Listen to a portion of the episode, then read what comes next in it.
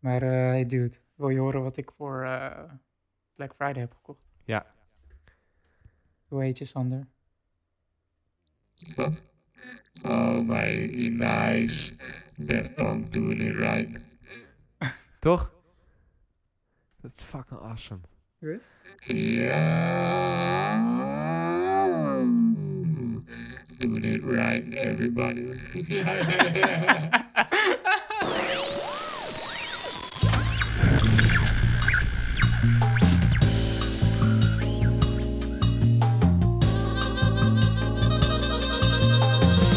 Zeepkast. Opgenomen dinsdag 29 oktober 2016. Welkom allemaal bij aflevering 24, Nee, 23. 23. 22, 23. Ja. Aflevering 23 van De Zeepkast. Jouw eh tweewekelijkse bron voor al je science, technology en popculture nieuws. Tegenover mij is David. Zit David. Ik ben hier en tegenover mij is Sander.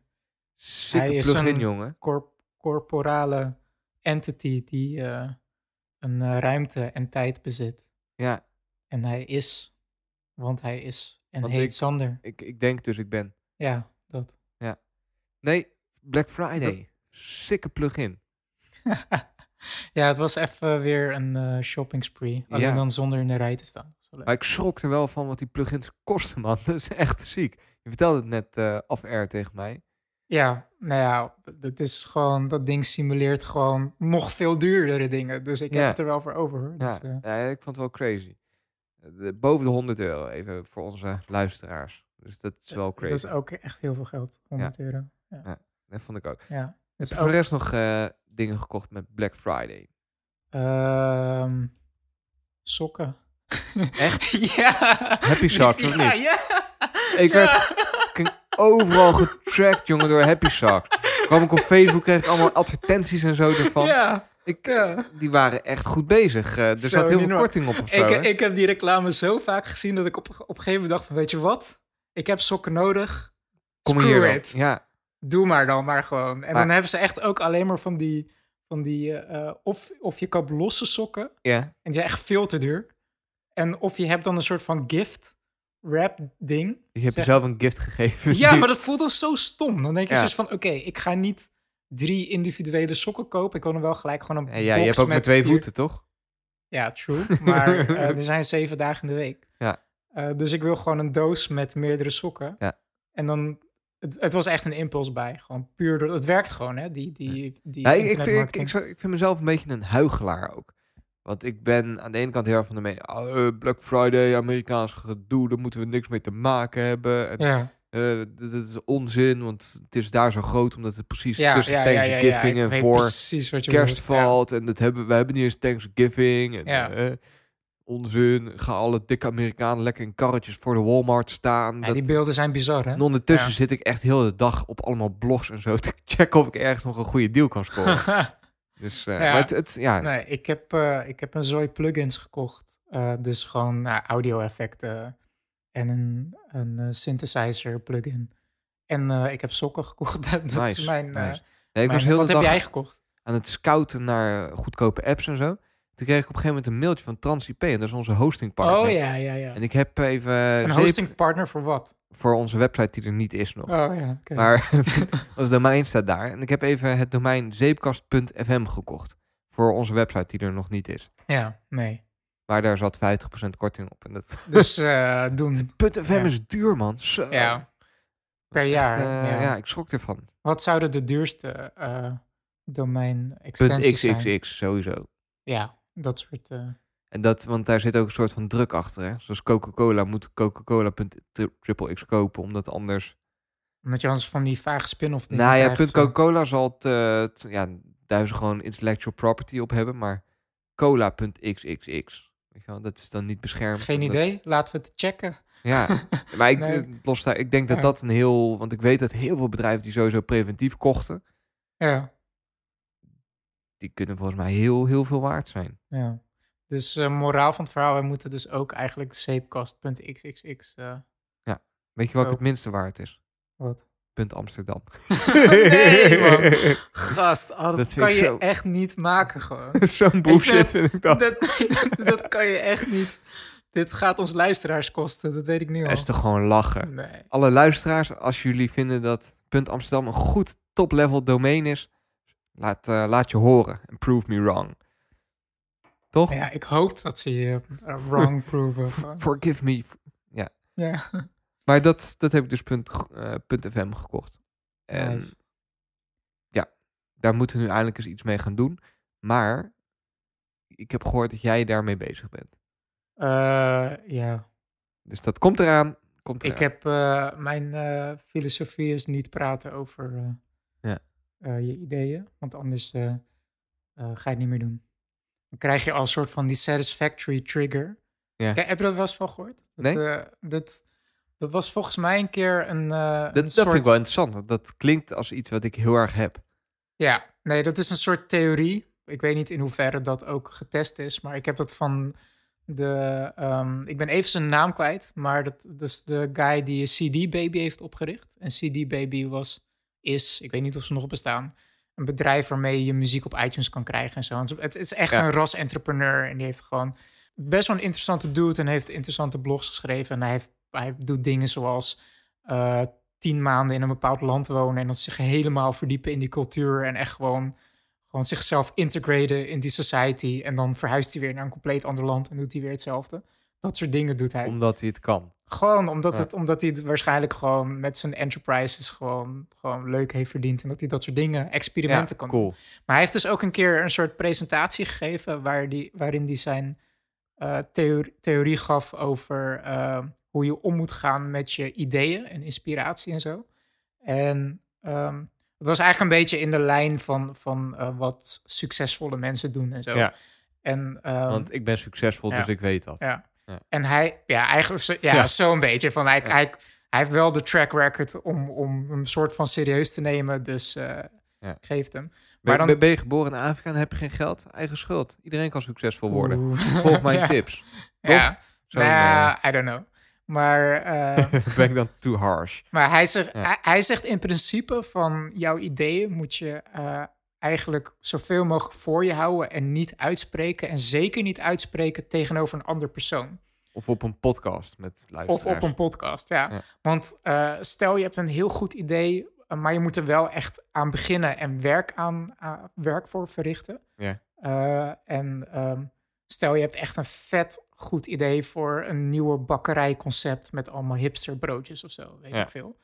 En dan, daar, dat begint dan in je hoofd vorm te krijgen en te malen. En dan je gaat er steeds meer over fantaseren en, je- en je krijgt ideeën voor ook echt van, oh, en dan doe ik brood met, met, met dit soort zuurdesem eh, granen, weet ik veel. En dat noem ik dan eh, zuurtje of zo, weet Ja. ik veel. En dat, dat gaat dan allemaal vormen in je hoofd. En op een gegeven moment dan loop je over straat en kom ik, kom ik jou tegen. Ja. En, hey David, en je barst met die ideeën van, ah, van ik wil het vertellen. Ik ja, moet, dus het van. Sander, Ja. moet je nou eens horen. Zuurtje. ik heb Super zuurtje, vet. Ja. zuurtje, bakkerij zuurtje. Wat de hel, awesome, dit, dat. Ja. En jij denkt echt zo van, wow, dat is echt Dat inderdaad is echt cool. echt ik een ben, vet ja, idee. Maar jouw brein, die registreert jouw... eh, eh, eh, Mijn brein of jouw brein? mijn brein, zeg maar, die registreert jouw totale body language van, van, oh, dat is echt heel vet. En oh, cool. En op een of andere manier, en dat is dan zijn theorie, hè? ik weet niet in hoeverre, Nee, dus maar dat dat echt maakt klopt. niet uit. Zijn een soort theorie van psychologie-ding. Ehm, dat, dat, dat een soort van reward system in je, in je brein triggert, waardoor je eigenlijk eh, ehm, hetzelfde gevoel als je iets heel lastigs hebt gedaan en dat, dat het lukt, Dat je, dat je, dat denkt zoiets bent. van, ah, Ja. trots. Dat je datzelfde mechanisme ook getriggerd wordt doordat iemand anders jou al soort van prijst, Al beloond. al Ja. beloont. Van Van, gedaan, van, heel idee. vet dat je dat bedacht hebt en awesome. Maar je brein triggert gelijk al van, die heeft eigenlijk het gevoel al dat je het al gedaan hebt, zeg maar. En Dus dat je dus ook te doen. als het ware overwonnen hebt. Ja. En dan is de, de innerlijke drang om het daadwerkelijk te doen, is gewoon een soort van weg. En dan komt het er niet meer van. Dat vind ik wel heel interessant. Ik ga er wat meer over lezen. Ja, Knal ja. even in de show notes. Ja, ehm, het is wel inderdaad, ik probeer het vaak wel, lukt niet, lukt heel vaak niet, maar ik probeer het vaak wel toe te passen. Dat, ik, dat zeg ik soms tegen mensen van, ja, ik heb een vet idee, ik ben erover na te denken, het, het, het, is, het zit in deze categorie. Dus bijvoorbeeld... eh, eh, ja, je ik zegt ga, dat heel vaak tegen mij. Met allemaal dingen van de podcast. En Ja, ja, maar dat ik dan gewoon zeg van... Nou ja, ik wil een blog starten. Maar ik ga voor de rest niet inhoudelijk in... wat, het blog, wat de blog gaat zijn of als voorbeeld, zeg maar. Ja. En dan... eh, maar dan ik- zeggen ik mensen niet- ook al van, ah, heel vet.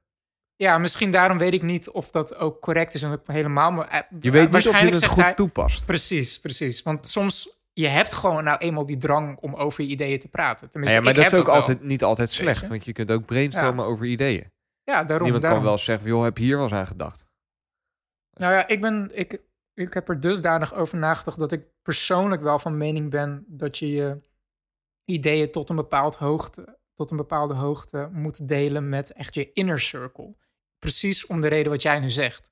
Dat je ook echt, omdat het vaak mensen zijn die je dan ook Die eerlijk zijn. eerlijk Ja, zijn en je dat is feedback echt een geven. slecht idee. Maar, maar Ja. als je het echt inderdaad gewoon van de, van de eh, daken gaat schreeuwen, wat ik vroeger ook wel eens heb gedaan met Ja. ideeën die ik heb, dan trigger je denk ik wel echt dat effect. Dat je constant denkt van, oh vet en zo. En dan vervolgens eindigt het echt in, op de stapel in je mind van, van Ik, ik ga dat ook eens proberen toe te passen. Want ik Ja. weet van mezelf dat ik altijd eh, gemiddeld 36 toffe ideeën per week heb. Dat ook tegen alles en iedereen loopt te vertellen. Ja. En leuk, maar er is eigenlijk nog nooit een idee echt succesvol Ja, geworden. ja, Dus misschien dat ik eh, met deze techniek ineens super succesvol word. Ja, maar eh, ja, het, ik, ik geloof er ergens wel in. Want als je er niet over praat, je hebt toch. Je, ik denk dat je sommige dingen ook gewoon doet omdat je het gewoon fijn vindt om een soort van. eh, dat andere mensen naar je kijken van wow, dat is echt awesome dat je dat gedaan hebt. Dat is wel, Tuurlijk, als we eerlijk zijn tegen onszelf, is dat wel we, een soort van we zijn wat dat gaat, zijn we gewoon ook nog beesten. Dan komen we weer terug op even. Ja, Dat is wel echt ja. een terugkerend thema. Ja, Maar we zijn gewoon eigenlijk honden. Ja, Wel, met een snoepje als reward. En daar Ja, doe je ja. eigenlijk alles voor. En ja, kwispelend. het is gewoon, ons brein is gewoon een machine die je gewoon op, een, op bepaalde manieren kan, kan triggeren, Ja. als het ware. Nou, En, ja, eh, beloning, dat werkt. Ja, ja precies.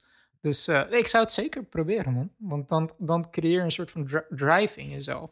Stond niet Ja, op de talking points list. Nee, Maar jij hebt even onderzoek voor mij gedaan. En ik ben benieuwd. Nou, ik heb Dus niet vorige echt- aflevering gaf ik aan, joh, we hebben een Ja. nieuwe president in Amerika. Wat doet dat met eh, mijn privacy? En is er een mogelijkheid dat ik gewoon een soort van privacypakket Ja. afneem of zo? Of dat ik zeg van als ik dit en dit doe, dan ben ik anoniem. Ja, ik, ik heb er echt over zitten nadenken. Maar dit, het heeft een aantal soort van lastige dingen. Omdat je ook gewoon te maken hebt met eh, een, eh, een, een wereld waarin, waarin mensen gewoon communiceren op een bepaald niveau. En dan kan jij wel zeggen van... Ik doe niet meer mee. Ja, maar dan, dan sluit je... Dan maak Dat is je lastig, ja. soort van een, eh, een outcast of zo. Dat, dat is, ah, dat is nog En wel dat een heel eigenlijk- leuk bruggetje naar zo meteen. We gaan zo meteen die film bespreken, Arrival. ja, Die gaat precies hierover. Van een soort van ik zie hem nog niet. communicatiebrug. Ja, oké. Iedereen spreekt digitaal. ja. En als ik dan ineens besluit dat niet meer te gaan doen en iets anders te gaan doen, dan kunnen we niet meer met elkaar communiceren. Want bijvoorbeeld, ik kan me nog eh, herinneren dat we toen WhatsApp eh, eh, eh, gekocht werd door Facebook, was Ja. er een soort van massa-hysterie. En toen we allemaal Dan gingen we allemaal beloftes over- kregen over privacy. Ja, en maar zo. toen was er van een, een, een, een telegram van ja, maar wij zijn encrypted en Ja, wij toen zijn wel in één private. keer, geloof ik, ver- vertienvoudiging van een, ja, maar hoe lang heeft dat dan? userbase. Hoe lang heeft dat dan volgehouden? Volgens mij is Telegram nog steeds redelijk succesvol. Ja, want ik ken echt niemand met Telegram. Ik heb het er nog dat- wel op staan, maar ik gebruik het Nee, gewoon ik niet meer. Omdat niemand het heeft. En omdat Ja. niemand... Ik weet toevallig... eh, ja, het is in bepaalde kringen. Eh, je hebt zeg maar de massa. En Mhm. eh, eh, daarin zie ik ons dan gewoon in van... Ik bedoel... Wij zijn massa. Ja. Nou, in, in principe wel. Dat denk ik ook wel, ja. Ja. je hebt dan, en dan heb je allemaal kleine bubbels. Zoals bijvoorbeeld journalisten met hun informanten of zo. Die gaan op zoek naar eh, eh, eh, hele specifieke apps die soort van buiten de massacommunicatie zit. Maar ik heb ergens het gevoel dat dat maar... Volgens mij maakt het niet, niet eens bijzonder veel uit welke app je gebruikt. Er zullen wel technische verschillen zijn. maar in the grand scheme of things Want ik weet dat, dat eh, onder journalisten en, en eh, informanten, dat zie ik wel eens bij, bij interviews, eh, zie ik het langskomen, dat ze echt communiceren via Telegram Ja. of Signal. Maar ze gebruiken allemaal dezelfde end-to-end encryption concepten. Sterker nog, WhatsApp heeft ook end-to-end encryptie. ja. Maar de grap is, WhatsApp, ik heb even die whitepages eh, van, Ja. van WhatsApp's website gedownload om te, om te checken eh, wat, Hoe zij dat zeggen, werkt. Ja. wat zij zeggen over hun, hun, hun eh, wat, wat hun encryptietechnieken. policy eigenlijk is. Ja. Precies. Nou ja, zij gebruiken... Wat, een- wat doen zij op het moment dat de FBI aanklopt en zegt wij willen graag deze chats? Nou ja, zij kunnen dat niet leveren, want, al, want het principe van end-to-end encryption is Mhm. dat WhatsApp jouw berichten niet kan lezen. Voor hun is het gibberish. Eh, wanneer je met elkaar communiceert via WhatsApp, dan zijn jouw ik als zender bijvoorbeeld en jij als ontvanger, die zijn, wij hebben ook eh, sleutels van elkaar. Ja. En die hebben alleen wij. Ja. En op basis daarvan worden onze berichten tussen elkaar versleuteld. Dus een Dus PG ook al- PGP-systeem. Dus ook al, het gaat via WhatsApp servers, maar ook al zegt de FBI van ik wil nu die, die chat archives eh, lezen, dan kunnen ze dat leveren, maar het is gibberish, Ja. zonder dat je onze sleutels Ik, hebt. ik vind het ook wel mooi dat je dan nu tegenwoordig bij ieder gesprek, nee, dat had je in het begin, ja, je krijgt zo'n melding. zo'n melding ja. krijgt van let op, eh, zijn, zijn code is veranderd. En ja, dat Ja. is leuk, maar Ja. 99,999% van Ja. de mensen die WhatsApp gebruiken, die snappen niet eens wat die melding inhoudt. En die hebben ze, oké, Ja, die gaan door.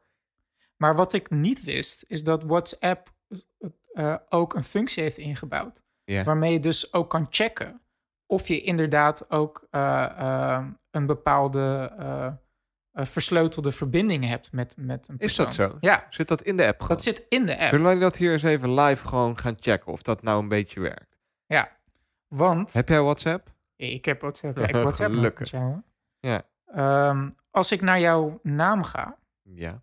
en ik ga eh, naar jouw contact sheet in WhatsApp, Mm. dan staat er eh, een message over encryption, over wat het inhoudt en dat alles end-to-end encrypted is. Als je erop tapt, Ja. dan ga je naar een soort verification screen waar een QR-code op staat. En dat is niet de sleutel waarmee het versleuteld is, waarmee je berichten versleuteld worden, want dat wordt geheim gehouden. Maar het is een, verif het is een security code. Eh, en het idee is dat eh, elk gesprek die je met Ja. iedereen hebt, die hebben, die hebben allemaal een unieke security code. Want al je gesprekken hebben een unieke, unieke sleutel Ja. per persoon.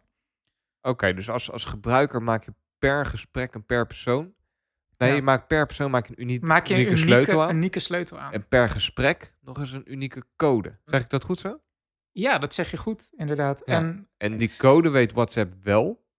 nou, ja, die code weet WhatsApp. Ik weet niet of WhatsApp het weet, maar het idee is van die, ik, ik heb die code nu in mijn hand. Dat zijn letterlijk. Maar dat, dat is gewoon PGP in feite. zijn met, gewoon- met een public key en een private key. Ja, en het zijn gewoon cijfers en die moeten overeenkomen. Als ze niet overeen, overeenkomen, dan eh, of eh, onze gesprekken zijn niet versleuteld, dan is er iets misgegaan. Want dat zegt WhatsApp ook van als je WhatsApp verwijdert en opnieuw installeert, dan kan het zijn dat de sleutels niet meer overeenkomen en dan moet je het gesprek als het ware opnieuw initializen. Eh, maar als ik nu jouw code zou scannen, dan moet, die, moet dat hetzelfde zijn.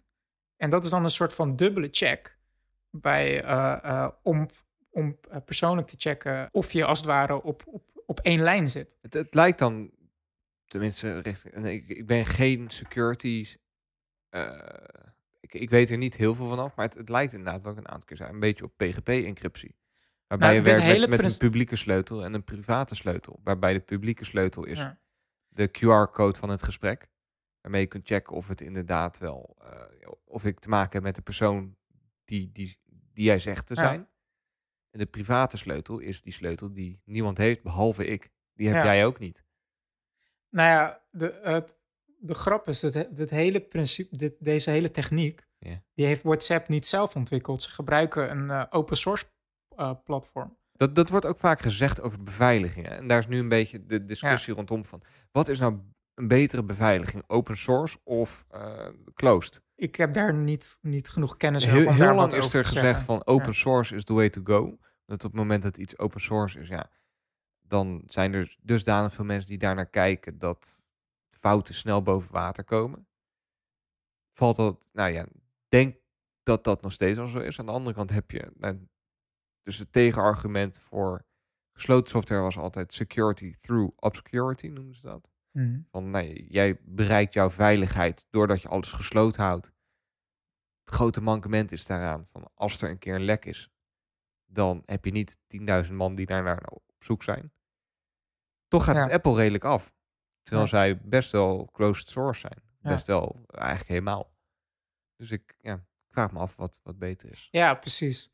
Nou ja, Maar dan duiken we er allemaal weer heel diep nou ja, in. dat, dat moet ik, moeten we ook niet doen, want ik kan daar niet te diep over duiken. Maar wat mij, waar ik eigenlijk een beetje op zoek naar was, eh, eh, om het verhaal weer een beetje terug te brengen, Ja. is naar een soort van eh, patronen. Want, want ik, ik heb namelijk aan de ene kant het gevoel dat het voornamelijk een soort van marketing issue is of zo. Je, je moet het even toelichten, want ik, ik volg Ja, ja. hem helemaal nou ja, bijvoorbeeld dat Whats- WhatsApp is eigendom van Facebook. En nou ja, Facebook dat is gewoon een company die, die leeft op data van mensen. Dus ja, een messaging app. eh, Facebook weet straks alles van je. Ja. Ehm, terwijl ehm, WhatsApp eigenlijk dus best wel, naar mijn inzien, goed bezig is met eh, Met encryptie. Eh, en ook props richting Facebook, dat ze WhatsApp vrij autonoom daarin laten Nog wel. bewegen. Klopt, want laatst was natuurlijk ook bericht dat eh, WhatsApp eh, een soort van je, met wie je praat wil delen met Facebook. En Ze gaan wel dingen analyseren. window. Kijk, Ja. WhatsApp of eh, Facebook is geen liefdadigheidsinstelling. Die hebben op een Nee, gegeven nee, moment WhatsApp niet. gekocht en dat geld moet terugverdiend worden. Absoluut niet. En dat gaat maar op één manier terugverdienen. En dat is inderdaad analyseren van data.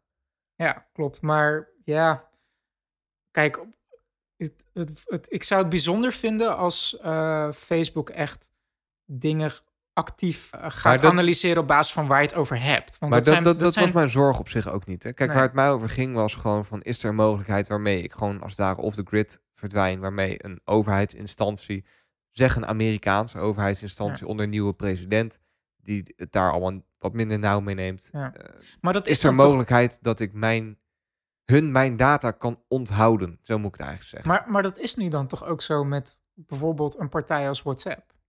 Wat, kijk, ik, we hadden het vorige keer over. Mhm. Ik ben sowieso van mening dat het een topic is die, die eh, genoemd moet worden. Zodat bedrijven ook het gevoel hebben dat ze dit moeten promoten. En dat ze ook het gevoel hebben dat ze moeten doen, omdat ze anders het gevoel hebben dat ze klanten verliezen. Ja. Dat is eigenlijk de ene, zij, eh, eh, ene kant van het verhaal. Omdat ik wel het gevoel heb dat misschien aan de ene kant werken er mensen bij WhatsApp en bij Apple. En, eh, want je kan over iedereen zeggen van ja, natuurlijk, het zijn, niemand is een liefdadigheidsbedrijf.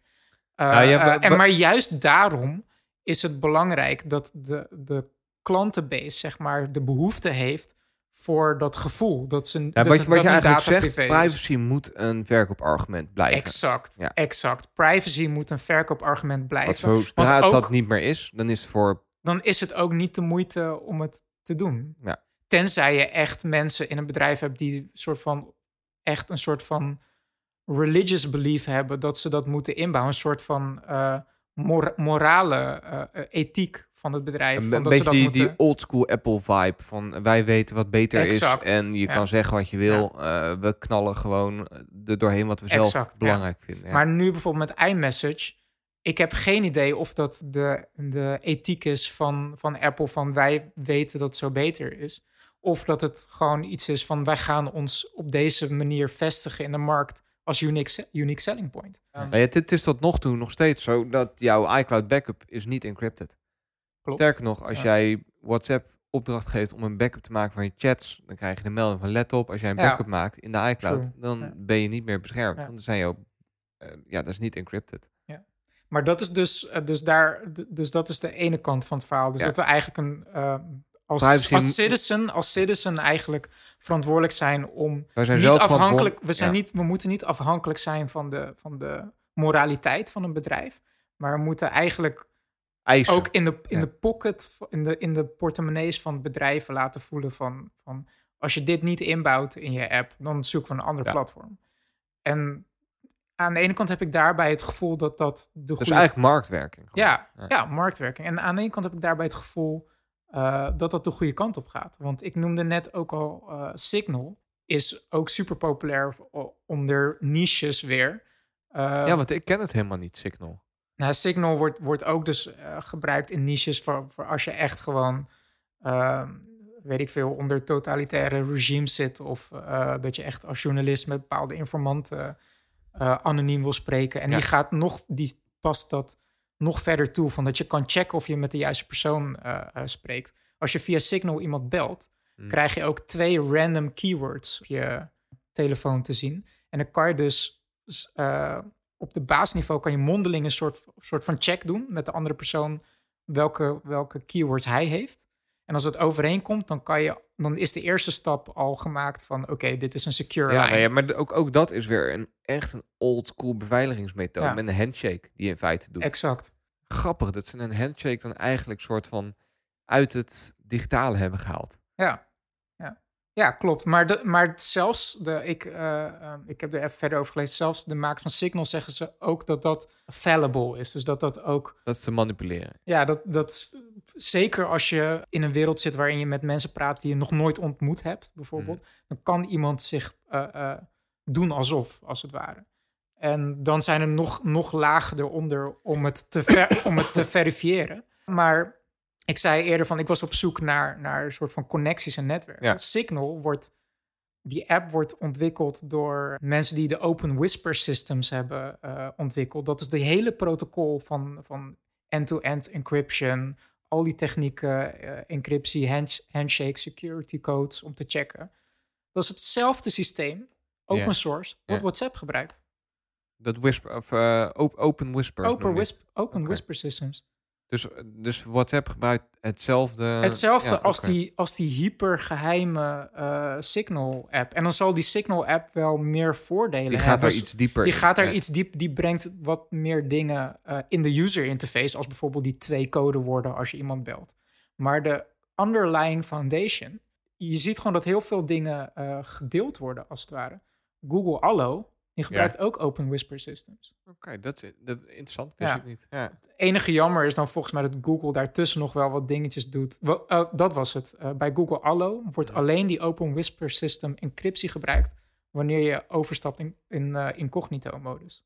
Dus dan verlies je al die artificial intelligence. ja, dan kun je niet meer, niet, geen vragen meer stellen aan klopt, Allo. klopt. Ik, ik ga er wat meer over lezen. Ik Ja, kan het even in de show notes. maar dus eigenlijk con- con- concluderend. Je, ja, je eigenlijk kan, je een kan aantal er- je- conclusies. je- je- Wij moeten als consumenten moeten er scherp op blijven dat we privacy blijven eisen van eh, daar ben bedrijven. ik wel een voorstander van. En dat ook belonen. Ja, Eh, precies. en we moeten ons bewust blijven van... van Ja, en ik, ja.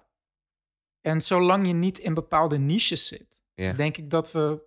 Dat, de, dat je ook je voldoende best kan nemen met... zit. Ja. Ja. precies, precies. Want dan eh, bijvoorbeeld op eh, Twitter eh, eh, had eh Ed Lisbeth Roek, die had ook Wire genoemd bijvoorbeeld. Dat, dat schijnt ook door de politie gebruikt te worden. Ja. En ik had ook even naar die site gekeken en daar hadden ze ook een soort van eh, schema, een tabel gemaakt met alle messaging apps en wat de ene wel en de andere niet doet. Dus eh, bijvoorbeeld encryptie over, Mhm. over bellen. Dan staat er bijvoorbeeld in van, eh, ja, bij eh, WhatsApp bellen ben je niet encrypted en bij ons wel. En bij Signal wel.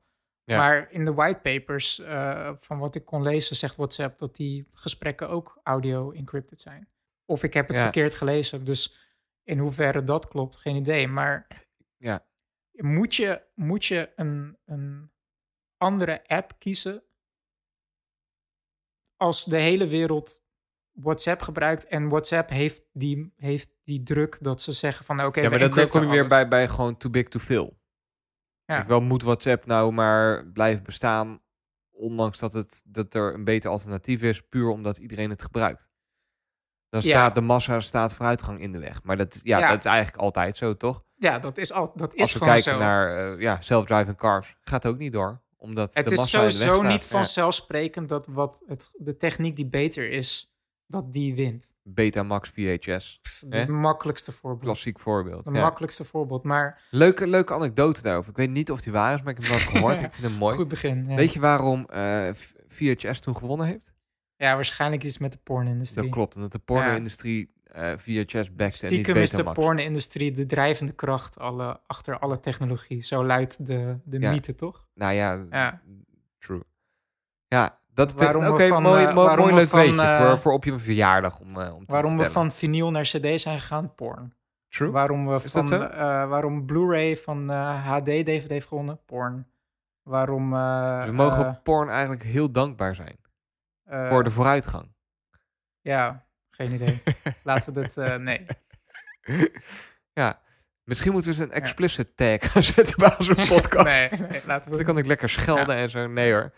Maar dus aan de ene kant had ik dus eh, zoiets van, ja, mes- ik ben het helemaal met je eens van, tuurlijk zou het echt vet zijn. Ja, jij bent nu Ah. eigenlijk een beetje mijn eh, geruststellende oom, zeg maar. Je zegt van nee, Sander, zo erg is het allemaal niet. Je bent best wel beschermd als je Ja. WhatsApp gebruikt. Dan maak je niet druk, jochie. Het komt Voor helemaal nu. goed. Voor nu. Voor nou, Voor nu. maar blijf nu. scherp. Eh, en dan kwam ik gelijk ook op aan de andere kant eh, van de coin. En daar hebben we het ook vaker over gehad.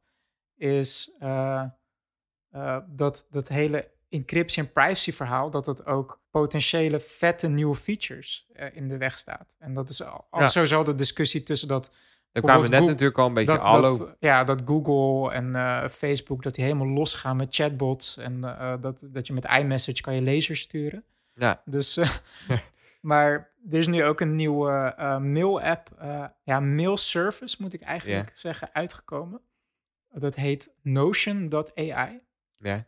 En Is dit- dat die ze ook besproken in de laatste Cortex, of niet? Ja, daar heb ik het ook vandaan. Want ja, ik, ik, ik, heb het gehoord ook. Nou, nou, ja, ja, weet je precies waar het over gaat. Dus vrij nieuw. Ik, toen, toen ze het erover hadden, Cortex is best wel een vette podcast.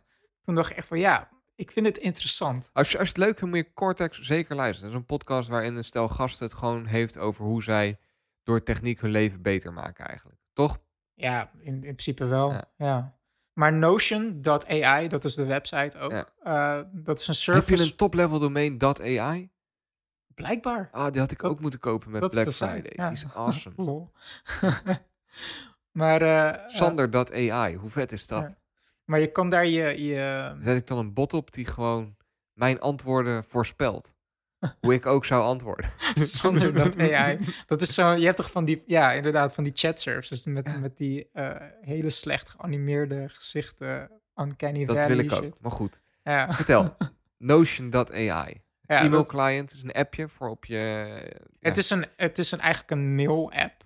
Ook ze hebben nog geen, geen Mac of Windows-app of Nee. eh, web-app. En je kan gewoon je bestaande mail gebruiken. Dus het is eigenlijk net als elke andere mail-app. Alleen wat er gebeurt is, hij, Er zit een AI-element hij in. analyseert je hele inbox.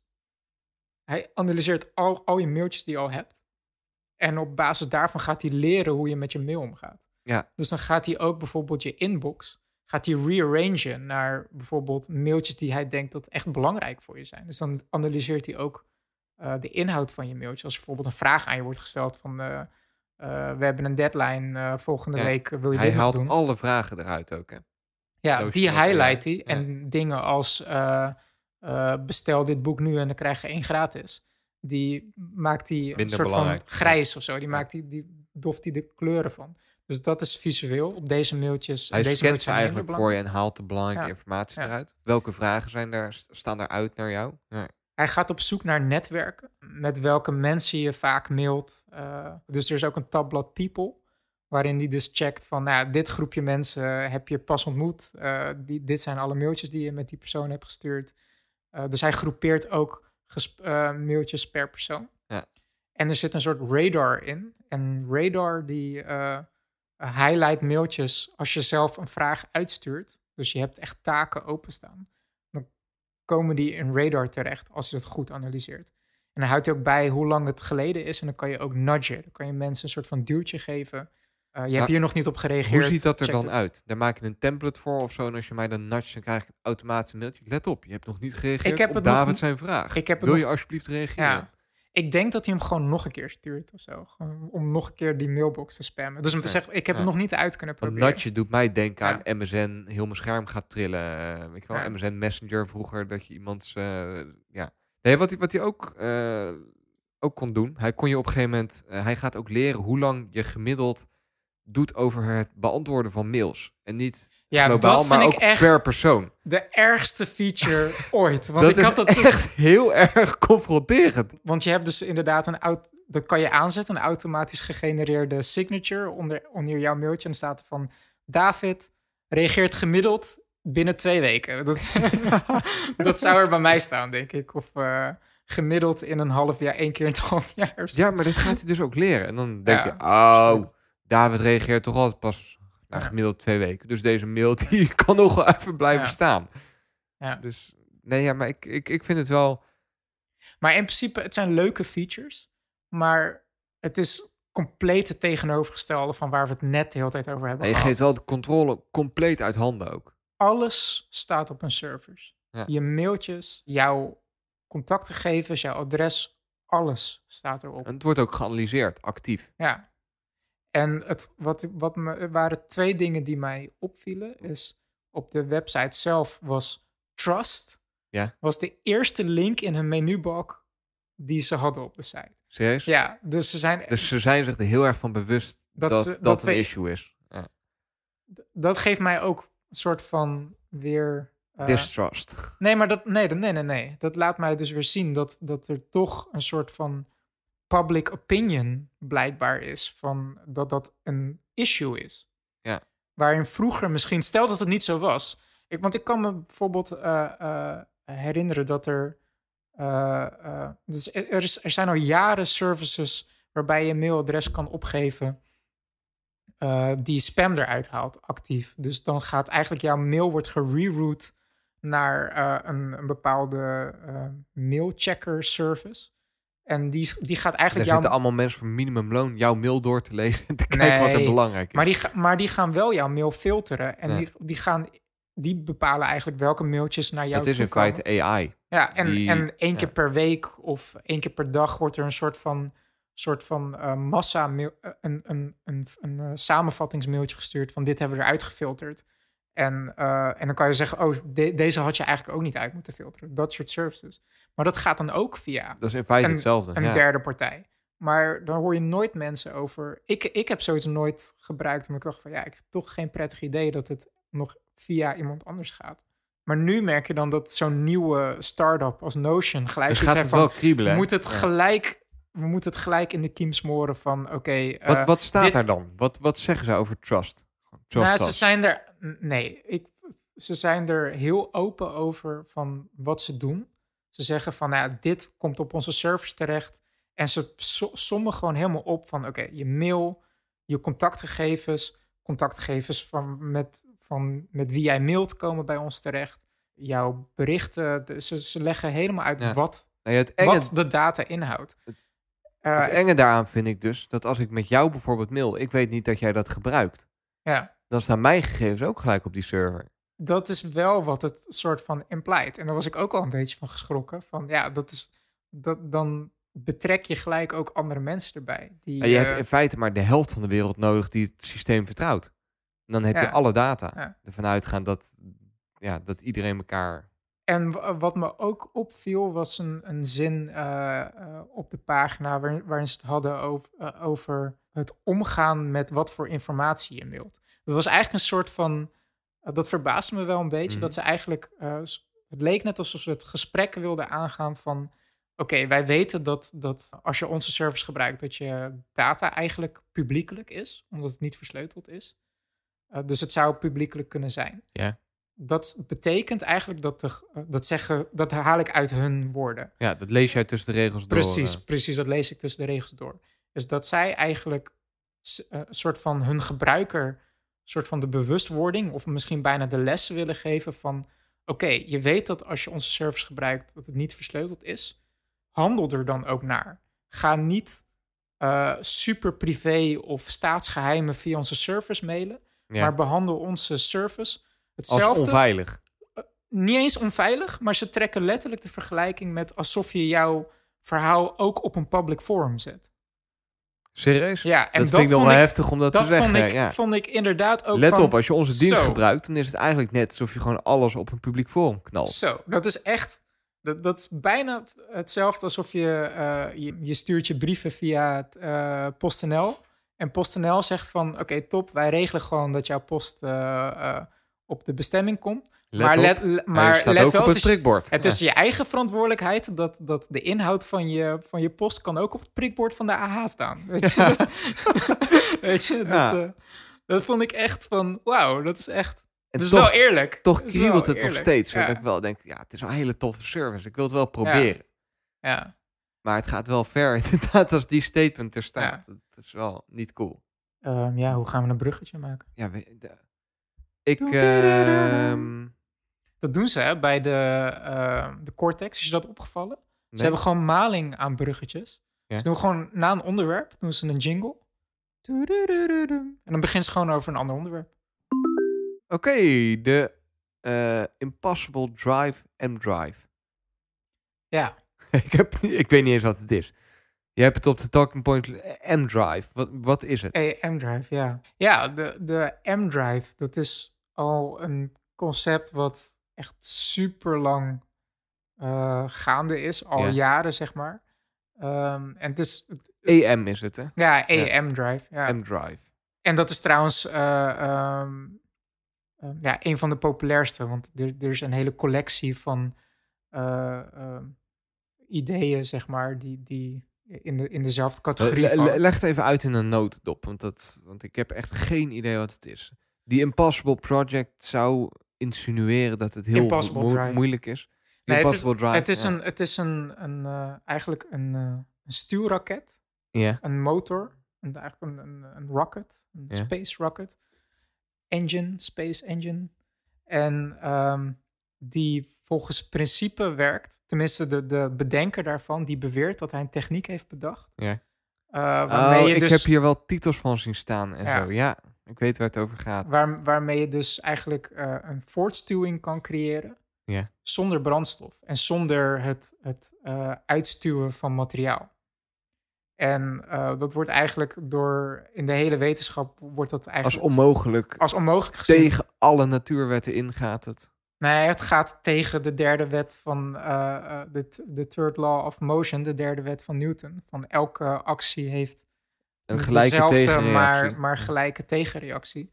Dat, dat zou die, zeg maar... eh, Niet eh, hebben. t- Maar het is wel grappig omdat deze drive eh, om de zoveel jaar steeds weer de kop opduikt. Van, oh, er zijn weer tests Ik wou zeggen, ik heb hem een tijd geleden ook al gehoord. Ja. Het is echt al jaren gaat dat. Het is Alleen- een beetje, het, het lijkt zo'n urban mythe of zo. Ja. Was het heel lang. Ja. Van, ah, er bestaat als- ergens een raket. Net als die- per, per- perpetuum mobile, een apparaat die energie maakt uit niets. Ja. Dat is eigenlijk in principe dit ook. Van dat je een stuwkracht creëert wat oneindig door kan gaan. Het enige wat hij nodig heeft is elektriciteit. Maar dat kan hij dan opwekken eh, via zonnepanelen. En dan zou hij gewoon oneindig veel... eh, hij, hij kan eh, voortstuwing uit niets Ja. creëren. Ehm, en ja, dat kan volgens onze... hoe we denken dat de wereld werkt. De, kan de- dat helemaal niet. Ja. Maar nu Nou ja, er- de NASA volgens mij om de hoek kijken, toch? Ja, wat nu dus inderdaad ja. wel een soort ik heb van... het gelezen, ja. wat, wat een staartje aan het verhaal Ja. geeft, is dat nu... Een behoorlijke staart, vond ik. nou, nou, dat vind ik... De, dat ga ik heb dan- ook alleen de titel gelezen. Dus Ja. misschien heb ik het verkeerd. Ja, dat is dan grappig, want in die titel zeggen ze van... Oh my god, NASA confirmed the impossible drive. Ja, dus het is niet waar. Oh, Het is nooit waar, dat soort dingen. Maar daarom het is moet je ook zo. meer lezen dan alleen de titel van het Ja. Ja. Maar eh, er is een team, een afdeling binnen NASA... die houdt zich bezig met, eh, laat ik zeggen, esoterische eh, engines, drives. Van, tuurlijk, of course heeft NASA ook gewoon Tuurlijk een dit- groep ja. eh, eh, mensen... die gewoon de impossible checken. Warp drives, eh, hyperdrives, noem het maar op. Ja. En die hebben... Dit is de eerste keer dat NASA, dus die afdeling van NASA... een serieuze test heeft gedaan met de M-drive. Ja. En het is een, eh, een eh, peer review. En dat wil eigenlijk alleen maar zeggen dat, dat NASA confirmed dat Mhm. de, de theorieën van de M-drive en hoe dat uit te voeren en te meten, dat dat correct is bedacht. Het is eigenlijk een soort van spelcheck, grammatica-check van de, van de papers die ze... Nou ja, dat, De dat, theorieën dat, die ze dat gebeurt op zich altijd met papers natuurlijk. Je, Ja. je schrijft een paper en dan heb je een aantal peer reviewers. Dus je hebt een bepaalde techniek bedacht en dan gaan een aantal mensen gaan naar kijken of dat klopt. Volgens mij gebeurt het meestal voor publicatie, dat, dat die gepeer reviewed wordt. En er staat een peer reviewer staan er ook Ja. bij. Dat geeft extra gewicht aan jouw paper als het ware. Ja, maar ook van ik dat, ben niet de enige die het zegt, maar er zijn andere mensen die hebben naar gekeken en die bevestigen wat ik zeg, dat dat op deze manier zou werken. nou ja, dat, de, dat, de, dat de methodes die beschreven worden, dat dat niet onzin is. Ja. Dat is eigenlijk alles wat het betekent. Dus het gaat niet per se inhoudelijk over eh, dat de M-drive echt werkt. En, en echt Maar- de derde wet van Newton doorbreekt. Als, als ik dit zou horen, zou het dan niet gewoon heel slim zijn om zo'n ding maar eens te gaan bouwen? Kijken of het werkt. Nou, dat heeft NASA dus wel gedaan. Ze hebben hem al gebouwd. Ze hebben hem gebouwd. Het Want het, het, het, het, Ja. prins, kijk, het principe is eigenlijk super simpel. Het is gewoon letterlijk een magnetron Ja? met een soort van toeter. eh, eh, een een eh, asymmetrische holte. Ik noem het dan maar even lekker toeter. En daar worden eh, ja, microgolven, Ja. eigenlijk magnetrongolven, die worden daarin gestuurd, gestuurd. En die botsen dan heen en weer. En Ja. omdat door de vorm, door de, door de, de toetervorm van het ding, wordt die eigenlijk, eh, worden ze automatisch weerkaatst naar het, de, de grotere einde van de toeter. Ja.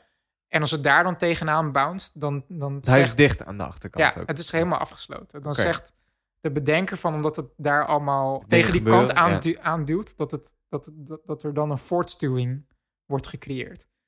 Newton, die, die, ja, Newton zelf zegt dat niet, maar Nee, ja. eh, de wet zegt van, nou ja, als zo'n deel, zo'n eh, golf tegen de wand aanduwt, dan duwt de wand met dezelfde kracht terug.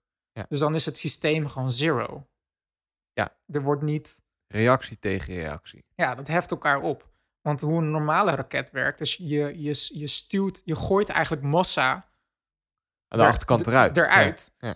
En dat creëert dus de tegenreactie dat jouw eigen massa en, en, en daar tegen duwt en dus de andere kant op gaat. Ja. zeg maar. maar nu gooi je geen massa weg. Of zo.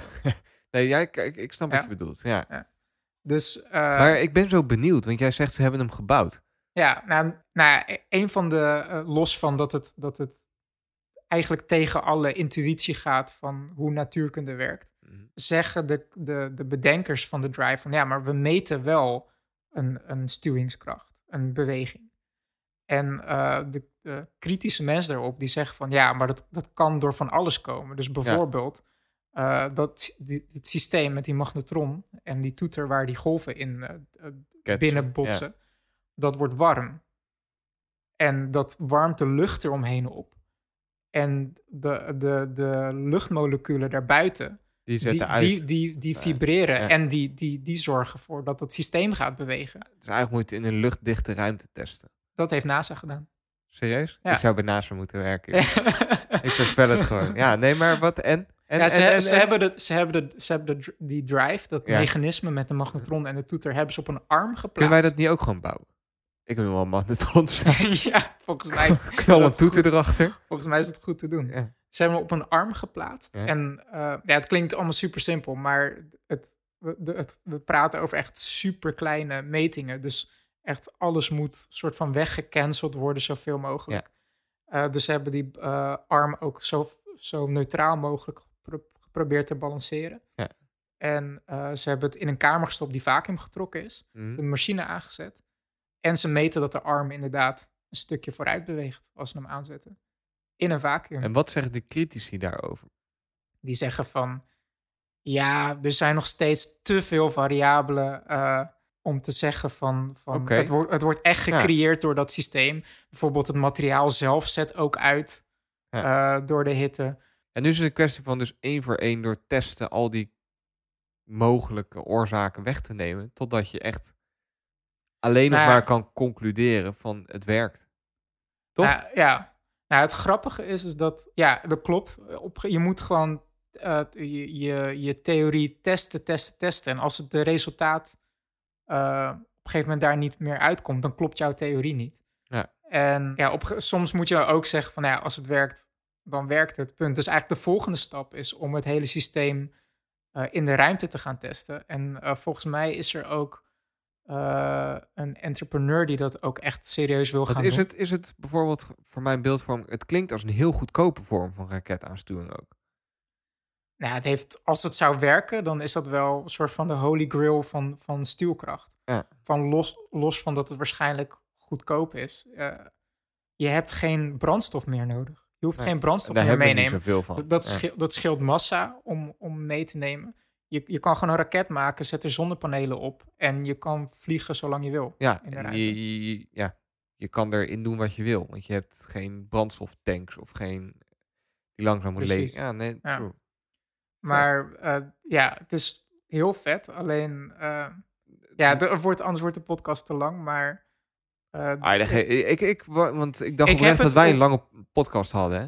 ja, Cortex is lang, hè? Jezus, En, is echt Ja. super lang. ja, maar prima, toch? Ja, ik vond het wel leuk, maar Ja. twee, tweeënhalf uur of zo. eh.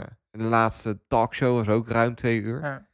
Nou ja, wat ik ervan gelezen heb, krijg ik gewoon het gevoel Ja. dat de bedenkers van die M-Drive, die, die wurgen zich in ontzettend veel bochten om, om, de, om hun theorie kloppend te maken. Om, want eh, wat, wat zij... Maar, maar valt niet hetzelfde te zeggen van de andere kant? Van, nou, kijk, het werkt. nee. Ja, maar dat kan ook omdat het nou eenmaal warm wordt. Oké, dan doen we het in een luchtdichte ruimte. Ja, maar dat komt misschien door hoe ik dat zeg. Ja.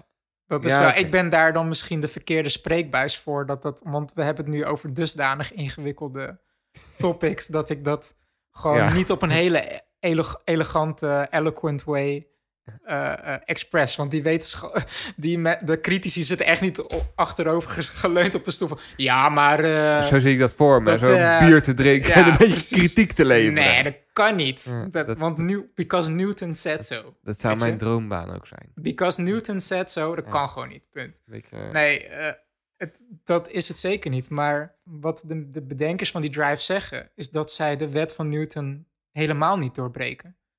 Eh, maar dat, hun, dat zij een soort van effect hebben gevonden. mhm. En here it gets really weird. Is dat, zij, dat, ze, dat ze een soort van ja, een systeem hebben bedacht. Dat ze eigenlijk een soort van energie uit het quantum vacuüm trekken. Wat weer. eh, ja, het is super weird. Ge- geef even een Ja. voorbeeldje of zo, want dan kan ik het wat beter plaatsen. ik kan alleen maar zeggen dat ze, waarom ik het best wel out there vind wat ze, wat ze gooien, is dat ze eigenlijk het hele idee van eh, quantum mechanics, dat die hele Extra theorie, dimensie aan zit. eh.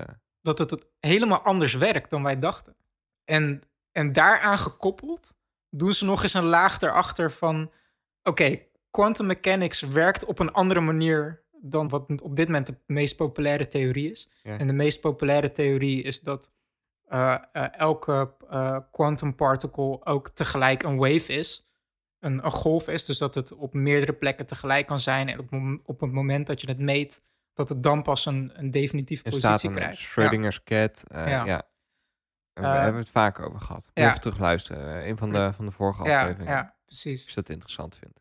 Zij zeggen nu van die hele theorie zit eigenlijk anders. Ja, dat heet ehm, eh, de pilot wave theory. Dat elke, elke particle ook een, een soort van golf bij zich heeft.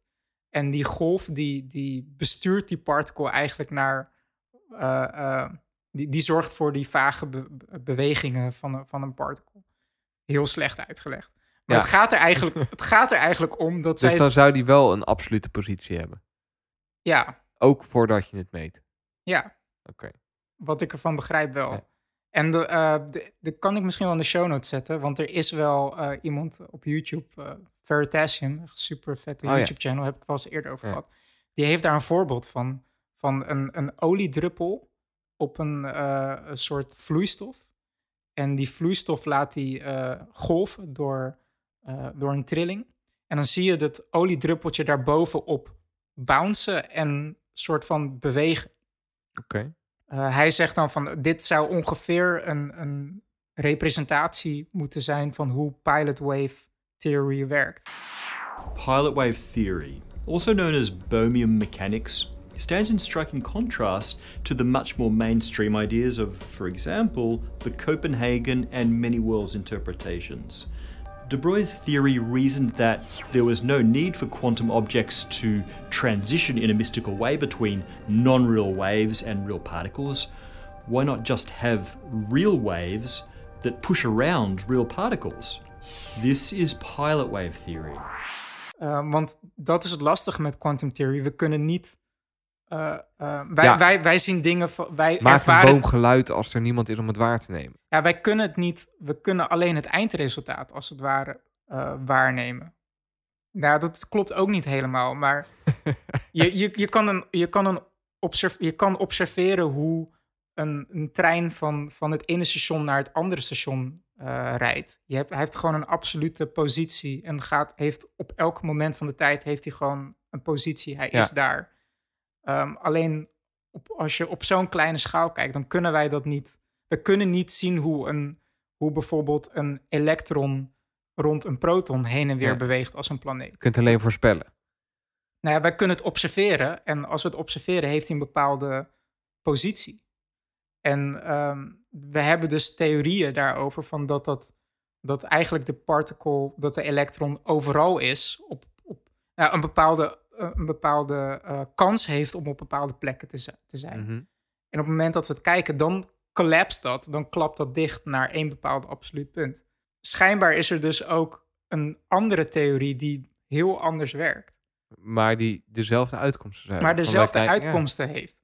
Maar je kan niet, je kan niet observeren van, is, van hoe dat, welke correct is. Of zo. maar is, is dat een breed gedragen theorie? Of is dat iets Nee, dat het- een beetje... Oké. Nee, die, de, de, de, de, de, de, de wave function, dat wordt de Kopenhagen, eh, eh, eh, de Copenhagen interpretation genoemd. Ja. Dat is de meest populaire interpretatie. Maar waarom, om- waarom is, is, is, is hier dan veel kritiek op? We- Weet je dat? Of?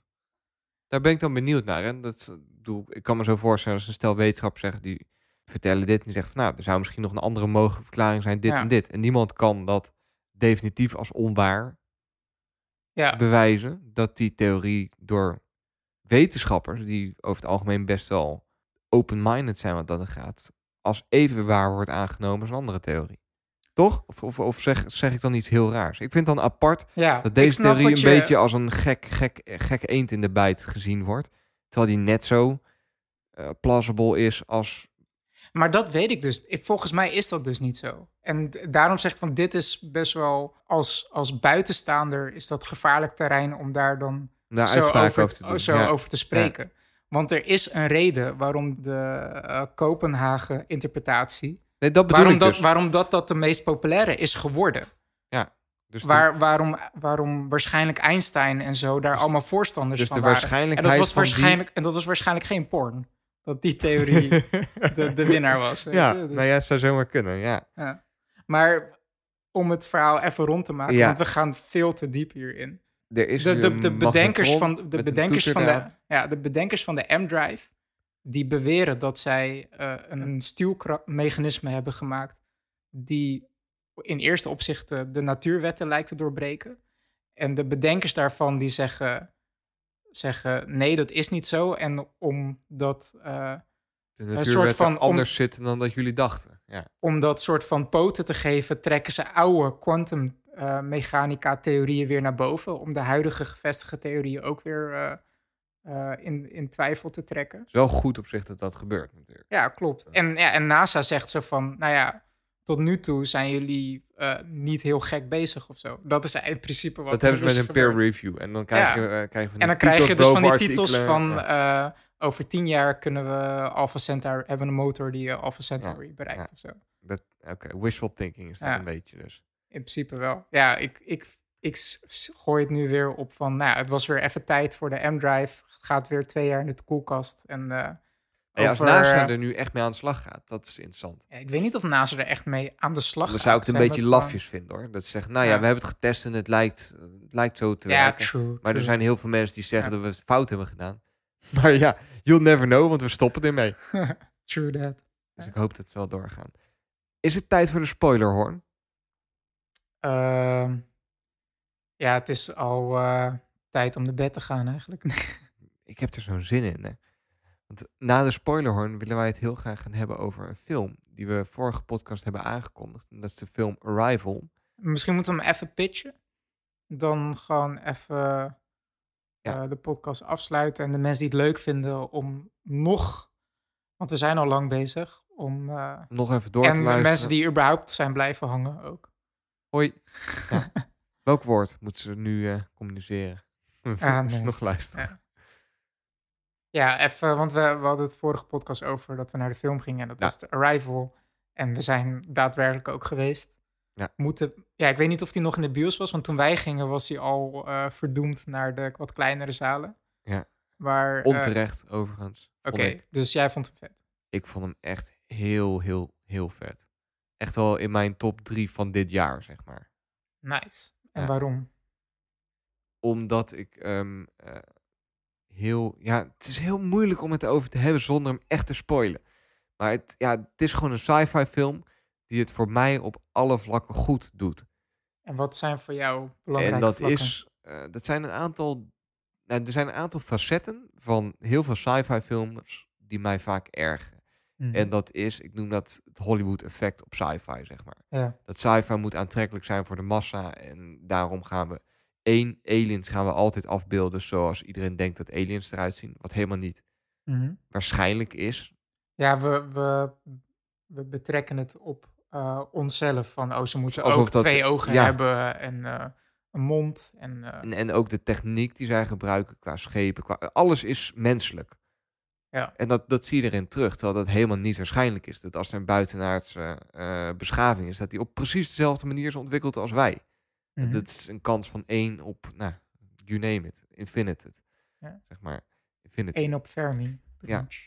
Dus, dus dat is heel, heel onwaarschijnlijk. En dat, ja, dat vind ik af en toe lekker in van die sci-fi films die niet pretentieus zijn, maar gewoon zeggen van joh, dit is een actiefilm en we gaan shit opblazen en dat, dan is het lekker.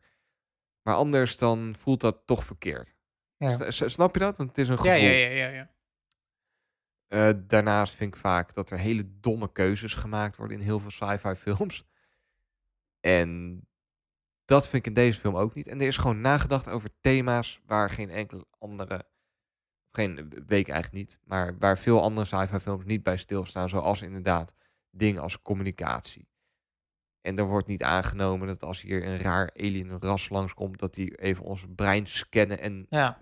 Ineens want Engels de, kunnen de, de film gaat dus over een, een eh, first contact. eh, eh, de, dus landen schepen. Ja. En er wordt een taaldeskundige, die, wordt eigenlijk, die krijgt een missie van probeer te communiceren met die aliens. Dat is wat het is. Amy Adams. Amy Adams, ja. Ja, zij speelt de linguist, dus de taaldeskundige die de opdracht krijgt om met die buiten, buitenlandse schepen te gaan praten Ja. om te achterhalen wat komen ze nou eigenlijk doen. Want eigenlijk iedereen schiet een beetje in de stress van er zijn Ja. overal van die schepen en wat willen ze van ons? Waarom zijn ze hier? Eh, Komen Ja. ze ons vernietigen? Komen ze ons niet vernietigen? Wat doen ze hier? Ja, En die schepen die zeggen eigenlijk niet zoveel. Dus dat, ja, die spanning loopt steeds verder op. Van wat, wat, wat doen ze hier? En we weten het niet. Ja, ik, ik vond het echt een mind-blowing movie. Ik was echt gewoon... Ik ja, was nee, eigenlijk wij, gewoon... wij waren samen naar de bios. en we zaten wel- aan het einde van de film, zaten we alle twee gewoon stil in de bios. Alles nog even te laten bezinken ook gewoon. Ja, ik was wel echt sprakeloos, maar op, ook op echt meerdere niveaus was ik ook, sprakeloos. ook, zeg maar. van, van het esthetische, van dat je echt gewoon, echt gewoon mooie kunst hebt gezien, als het ware. Wat je gewoon op een soort onbegrijpelijke niveau heeft gepakt. Omdat je echt bepaalde de feels, weet je, de bepaalde emotieknoppen heeft geraakt. Maar ook op een soort van intellectueel niveau. Dat je ook gewoon over allemaal eh eh perceptiedingen gaat nadenken. Maar het, dan het is een film die je aan het denken zet. Pre- die precies. inderdaad, die, die, die, die laat stilstaan bij bepaalde thema's. Ja. En, zeker weten, ja. Maar ik denk ook dat, dat dit ook weer zo'n typische film is van... of je hebt er iets mee, of je hebt er helemaal niks mee. Ik denk dat de gemiddelde luisteraar van ons... denk ik wel iets met deze film zal hebben. Ja. En dan waren Maar- het in de maar- bios natuurlijk al. Wij zaten daar alle twee, tenminste, ik praat voor mezelf. Ja. Jij volgens mij ook. Echt helemaal mind blown. Film was klaar. Wist niet meer wat ik met mijn leven aan Ja. moest. Bijna. Van, ik zat daarvan. Ja. Wauw, wat heb ik net gezien. Dat vond ik zo vet. Naast mij zit, een- zit een, een gozer met, ik denk zijn vriendin. Oh, wat een klote film. Ja, dat heb ik Die staat op en die lopen weg. Ja, Ik echt? Ik, ik, Ja. ik, ik, ik, ik snapte het niet. Maar dat, dat Maar, was wel ja, tekenend voor ik- inderdaad. Ik kan me dat op zich wel voorstellen, omdat dit, eh, dit, dit is dan pre-spoiler. Dit is een Het is geen actiefilm. En wat ik net het is een zeg. sfeerfilm die, die heel goed, tenminste, ja, ik vind heel goed met tijd speelt. Met eh, eh, de, de tempo van dingen. Dus het begint super langzaam en het, het, het bouwt echt op naar iets. Ja, En- maar en er zit scène- niet en echt scènes- versnellingen in. En scènes worden, worden uitgerekt. En je krijgt echt de tijd om, om dingen tot je te nemen. En als, het, als die sfeer jou niet pakt, dan zit je eigenlijk maar de hele tijd te wachten op dingen. Ja. Maar als die sfeer je wel pakt, dan krijg je de tijd om, om alles echt, echt tot je te nemen. En, en de, eh, elke detail te, te, te voelen en ervaren. En dat, dat, Als je, als je eenmaal inderdaad de ingezogen wordt, ja. dan is die echt... Ik had het bijvoorbeeld, ja, ik, ik, ik, eh, kan het ook, ik moet het ook altijd over de muziek hebben. Ja, Eh, de muziek die was in het begin gewoon niet aanwezig. En ik zat. eh, ehm, je, je, het eerste wat tot je komt zijn de visuals natuurlijk, hoe het eruit ziet. Maar op een gegeven moment ga ik ook nadenken van, oh, wa- wat, wat is de functie van de muziek? Dat heb je En- al tijdens de film, dat je daar echt actief ja. bij stilstaat. Ja, ja, nou ja, actief, dat, dat, nou ja, misschien wel, omdat, het, omdat dat me gewoon interesseert. Ja. En ehm, ik moet zeggen dat op een gegeven moment dat ik ook een beetje zorgen begon te maken van, dit is zo'n mooie film, dit verdient gewoon echt een geniale eh, compositie, arrangement eronder. Maar waar is die? En dan komt opeens een, eh, eh, bij een ja, cruciale scène in wel nog de eerste act van de film, komt er opeens een orkest eh, sweep omhoog, waarvan ik dacht van, wauw.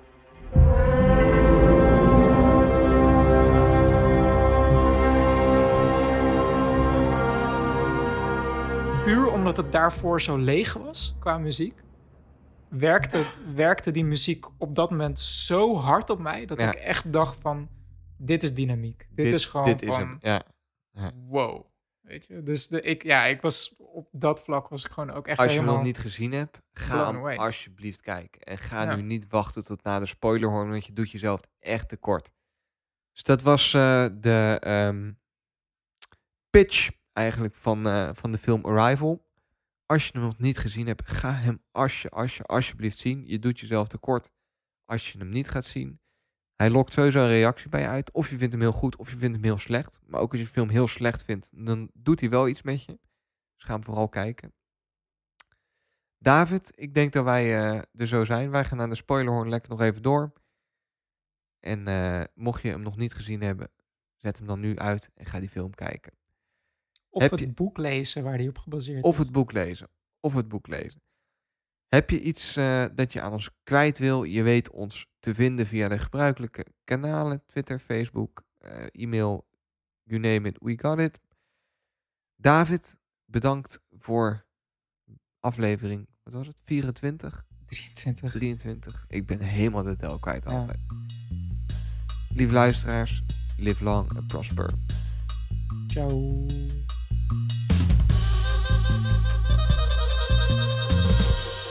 Zullen we de spoilerhorn erin knallen? Ik heb er echt zin in. Ja, let's do it.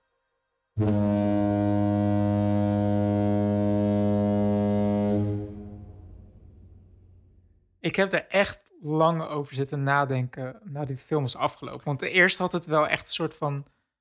ehm, eh, het had heel veel indruk op mij gemaakt. Ja, Alleen, ik kon gewoon niet zo goed... Ik was ook... Dat, dat zei ik ook tegen je toen, toen we de bios uitliepen. Van, ik moet hier echt even... ik heb dat altijd. Als ik een hele goede film heb gezien, dan Ja. kan ik daarna ook gewoon, dan wil ik er nog niet over praten. Want het moet allemaal nog een plekje vinden, zeg maar. Maar bij de, ik, had, ik heb het nog dat- nooit zo erg gehad als bij deze film. Dat ik echt gewoon zat van... wa- wat me. heeft het... Maar wat heeft het... Het was... eh, ehm, ik denk dat het eerste wat me pakte was gewoon... Hoe mooi die film in elkaar zit. Gewoon, maar qua story en zo moet ik bekennen... dat mijn eerste indruk wel een beetje teleurstelling was. Ik vond het...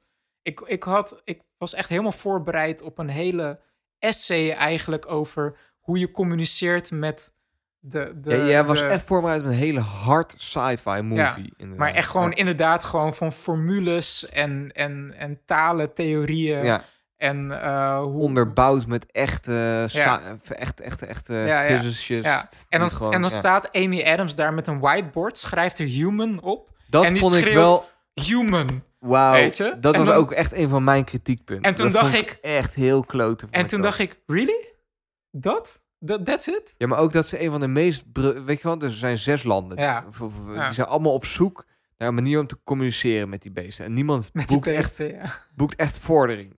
Nee. En hebben zij Amy Adams, hebben ze. Maar Ja. dan komen we gelijk bij iets negatiefs. Maar dat was Nee, nee, nee, maar dat... Maar dat, dat, dat- Nee, maar voor mij dus wel. Dat ik, ja, maar dat, maar dat ik mijn- gooi deze nu even Ja, uit, want ik ben al zover.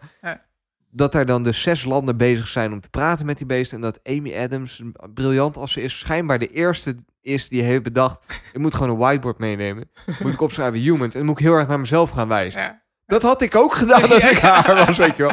En niet Ja, pas bij de derde bezoek. ja, ja. Maar schijnbaar is zij dus in al die grote landen de eerste Ja. die dat briljante Ja. idee had. Ja. Maar dat is dus, zeg maar, want ik, heb, ik zit nu nog in, eh, in mijn eerste indrukfase. ja. En dat was mijn eerste indruk van sferisch heb ik echt gewoon hetzelfde als dat je gewoon echt een, gewoon meer esthetisch gewoon, denk ik. Gewoon esthetisch gezien dacht ik echt gewoon wauw. Qua verhaal, hoe dat, eh, hoe de dynamiek van het verhaal, hoe het eruit ziet, hoe ze het behandeld hebben. Precies wat je zegt van, van normaal gesproken. het- de- Heel veel cop-outs worden, worden eh, gewoon ontweken. En heel Ja. veel dingen zijn echt super symbolisch. Ehm, en dat maakte echt heel veel indruk op me. Maar intellectueel gezien, los van waar we het straks over gaan hebben, waarschijnlijk over het tijdsaspect. Ja. eh, dacht ik echt van. Ik had meer wetenschap verwacht in deze film. Ik, ik snap over- heel goed wat je bedoelt. Want dat was Ja. het eigenlijk misschien ook wel geen sci-fi movie. Nee, en dat, en dat precies, dat, daar, daar sla je de spijker op zijn kop. Want eh, ik heb dus lang over zitten nadenken en ik dacht van waarom, ik deze, waarom deze film mij zo raakte, Mhm. was omdat het echt een, een menselijk verhaal was. En het, het enige.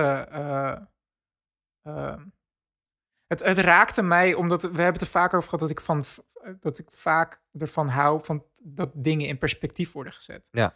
En dat voor mij was dat de hele boodschap die de film had. De enige missie die, die, de, die de heptapods, de Ja. aliens hadden, was de mensheid Redden. n- door hun de perspectief te laten zien. Want de, de, de aliens hebben, hebben eh, de heptapods hebben Louise, hebben ze eigenlijk soort van uit haar tijdslijn gerukt tussen haakjes. En laten zien van, van Look at dit- the bigger picture. look at the bigger picture. Ja. En, dat, eh, eh, en op een hele slimme manier he- heeft ze dat kunnen Ja. overbrengen aan die Chinese generaal. Bam, world peace. Ik, ik vond echt... Alleen maar door de mensheid de, de perspectief van, de, van de, de, de wereld, het universum te laten zien, dacht, dachten alle wereldleiders van... Oké, dit heeft wat wij onderling doen slaat helemaal nergens op. Eh, er zijn belangrijkere dingen. En dat zeg ik nu heel plat, maar dat is denk ik het gevoel wat de film mij heeft gegeven. Ja, ik, ik merk gewoon op het moment dat die twist begon te komen. Ja. En ehm nou, dat was wel mooi. in- ik, ik heb eh podcast die Inc- Incomparables geluisterd. en Incomparable, ja, ja, ja. hebben ja, het ook over deze film. En daar zat eh, John Siracusa zat daar ook in. En die wist het wel heel mooi te, te verwoorden. Die zei van het was geen eh, twist, maar het was een turn. Ja, Dat ja. hij heel langzaam ging draaien op een gegeven Jij moment. had hem ook al eerder door dan ik. ik, ik had hem vrij. Ja, Ik, had, nou ja, ik had door dat ze iets met tijd aan het spelen waren. Ja. En ik wist, kon nog niet precies mijn vinger erop leggen. Maar ik had wel door van ja. In haar dromen, dan kijkt ze vooruit, dan kijkt ze terug. En ik, ik zag dat er iets met die tijd niet klopt. Ja, En helemaal toen je dan hoorde dat die beesten. eh beesten de, hep, erg, de heptapods. dat, ik ze- dat ik ze het op, of dat ik ze beesten noem. Tijd op een andere manier ervaren. Ja, toen, toen had ik wel het vermoeden. Ja. dat- maar volgens mij heel veel mensen. Maar dat, dat, is ook wel, dat vond ik zo mooi gedaan. Dat het ook niet uitmaakt wanneer je het door had en of je het door had. Het was geen.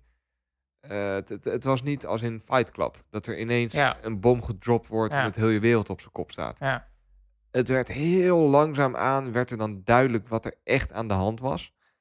En dat zij, dat de scène die je aan het begin hebt gezien, dat dat haar toekomst is. Ja, ja.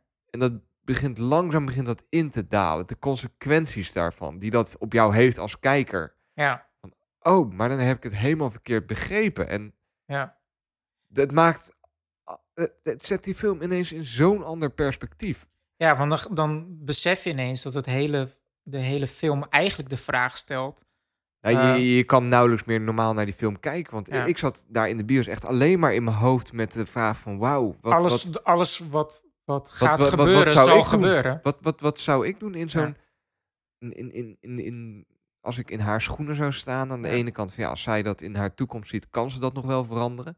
Of staat dat geschreven, weet je wel? Ze zeiden, wat zei ze nou op een gegeven moment? Ze zei ook zo'n zin, ehm, ze zei iets van, eh, if you know what the future would, would hold for you, Would you change anything? would you change anything? En toen Ja. dacht ik, Could you change anything? inderdaad, ik dacht, er- ik zat daar en ik dacht van nee, dat zeggen ze verkeerd. Could you change anything? Zou je het kunnen veranderen op het moment dat je al weet dat het gaat gebeuren? Ja, ja het- eigenlijk is het gro de grote thema van de film is determinisme.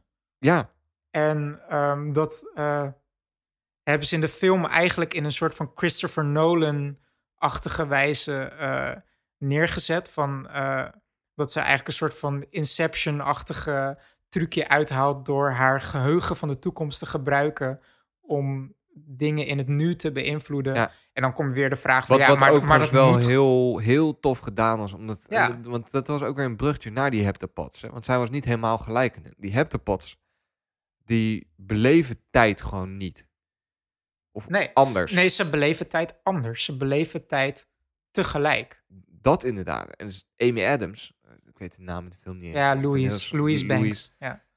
die kent alleen haar toekomst. Maar die ervaart tijd nog wel als een lijn. Ja. Dat en nu, nu komen we dus op het punt, want ik moet kleur bekennen, ik heb het boek ook gelezen. Ja. En ik heb het boek na de film gekeken. Ja, want het is, het, het is geschreven ja. aan de hand van een boek. Hè, Ja, van, een eh, short story. ja. 70 bladzijden. eh, en het heet Stories of Your Life.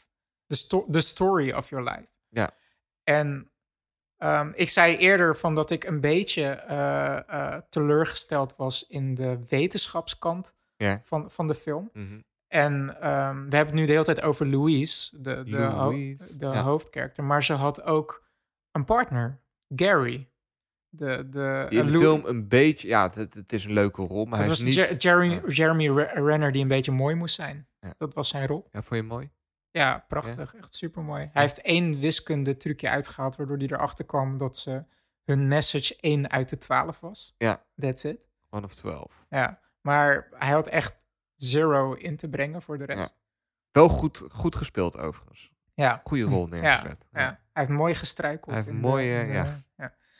Maar eh, ja, dus het is, de film is heel sferisch en ik was dus wel een beetje teleur- teleurgesteld in de science kant. Ja. Eh, maar ik had me er vrij snel bij neergelegd van, van nou ja, dat is gewoon niet het verhaal wat ze wilden vertellen. Ja.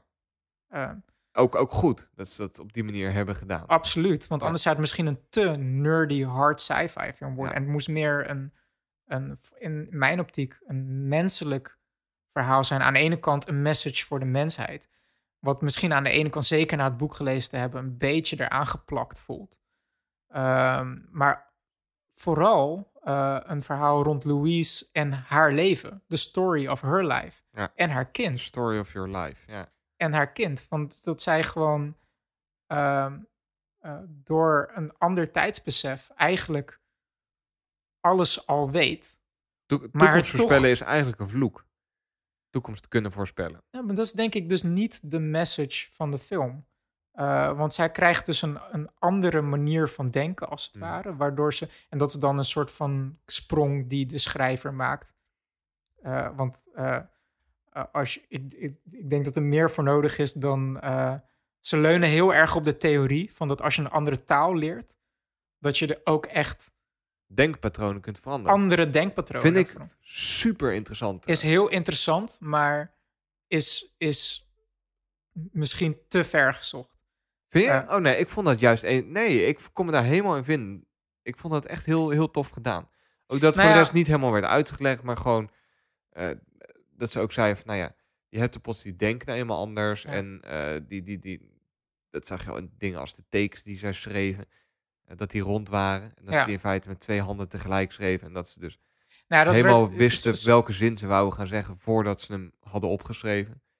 Eh, waardoor ze hem gelijktijdig konden schrijven. En ik vind het idee wel heel interessant van als jij iemand zijn taal kan aanpassen, kun jij bepaalde denkpatronen bij hem wijzigen.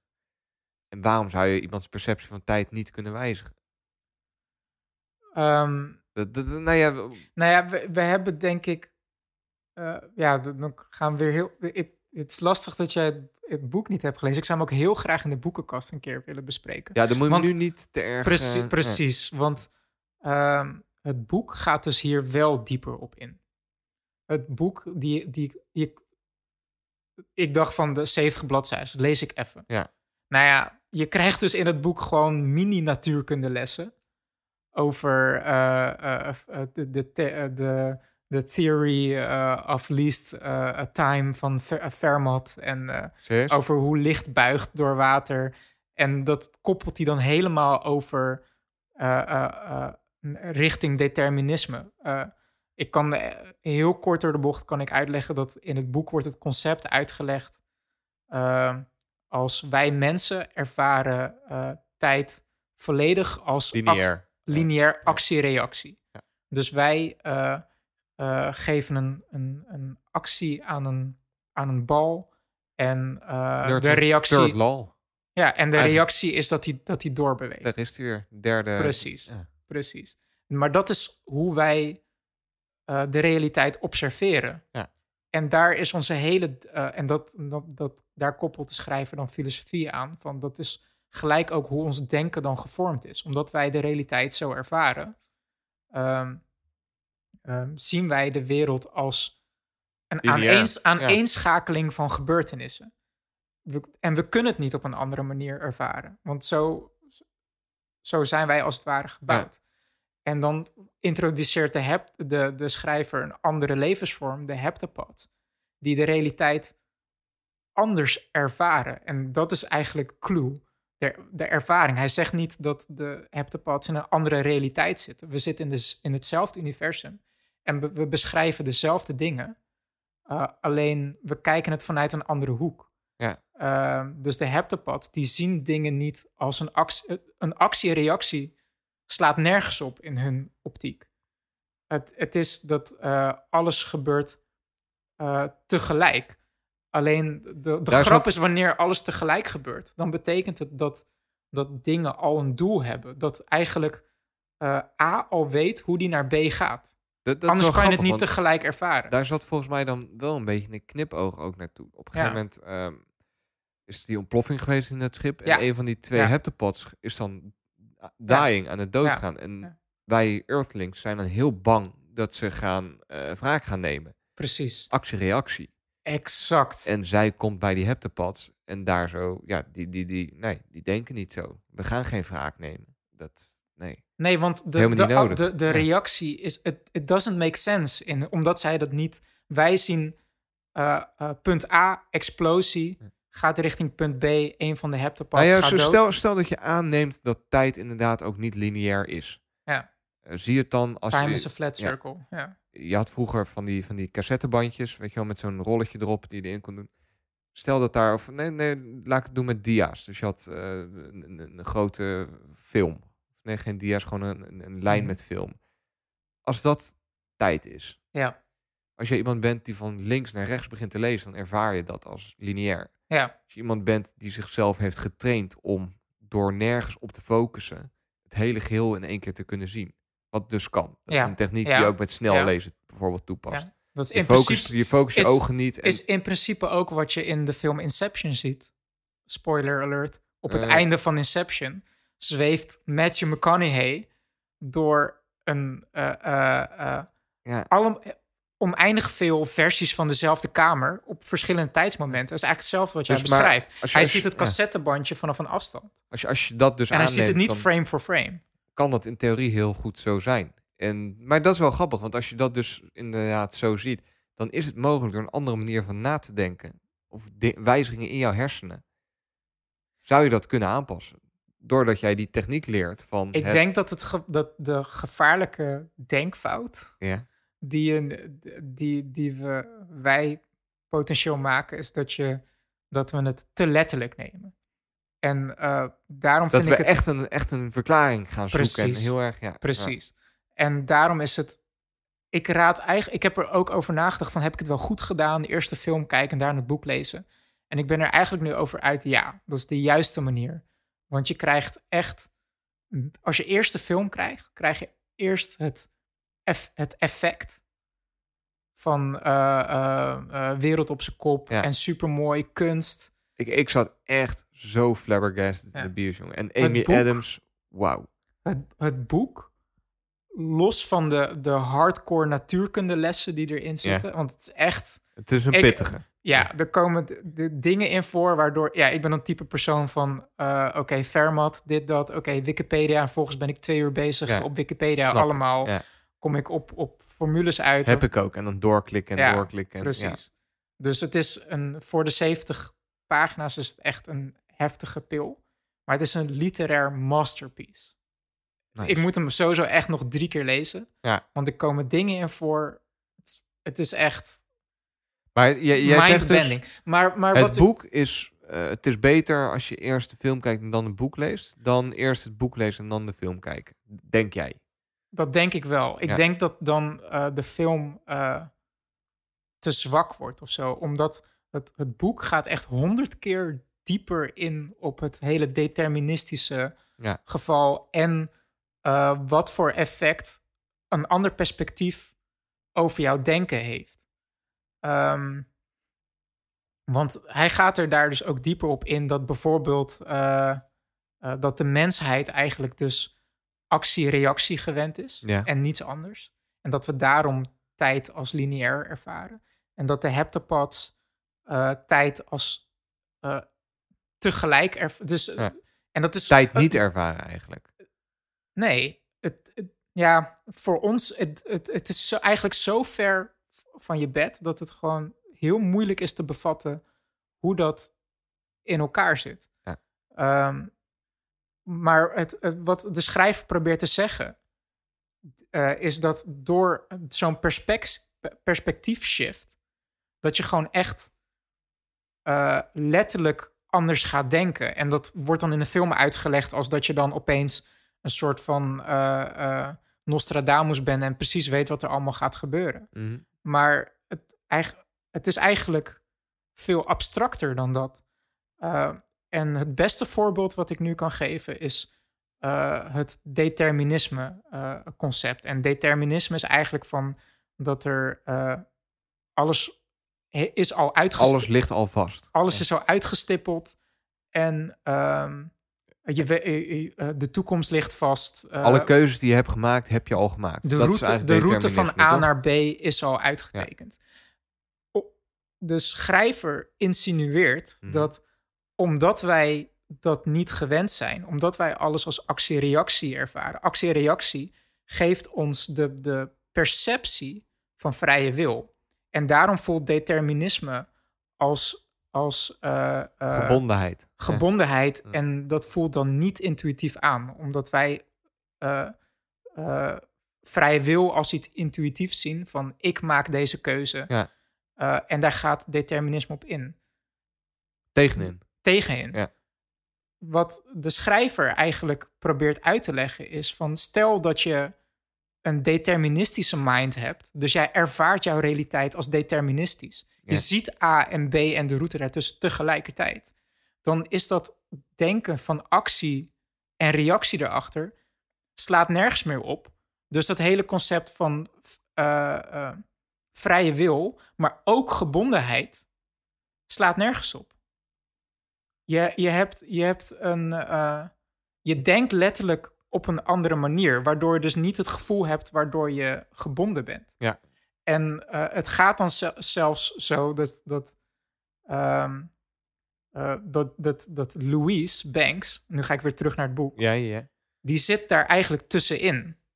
Want zij heeft het lichaam van een mens en het mm. brein van een mens, die de realiteit ervaart als actie-reactie. En het houdt ze nog steeds. Alleen ze heeft de perspectief gekregen van een determinist, van iets, iemand die alles simultaan krijgt. Dus zij, zij maar dat zei je is, eerder maar dat, ook. dat is wel heel vet, want dat komt Ja. in de film wel, wel redelijk terug. Wel, ja, dat Je komt ziet wel, zij ja. ziet het niet als die heptapads. Ja, Zij ziet nog steeds wel redelijk Exact. lineair. maar zij zit daar dus tussenin. Maar omdat zij wel die perspectief heeft, voelt ze nog steeds niet. eh, dat, dat legt hij in het boek uit. eh, eh, dat vo- voelt voor haar niet als gebondenheid. Sterker nog, ze, eh, eh, ehm, de schrijver zegt dan, jouw jouw eh, mind verandert dusdanig Mhm. dat je andere tussen haakjes keuzes gaat maken. Je weet dat je naar B gaat en welke route je neemt. Je hebt dan een soort van drang om dat uit te voeren. Mhm.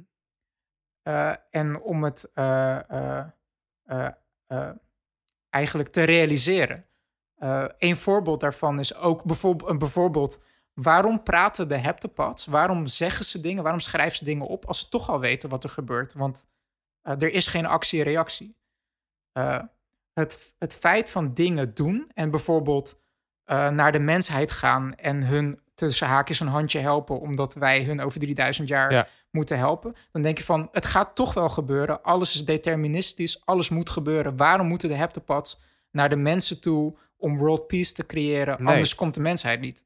Nee, dat, Snap dat- je? nee, dat klopt dan niet, toch?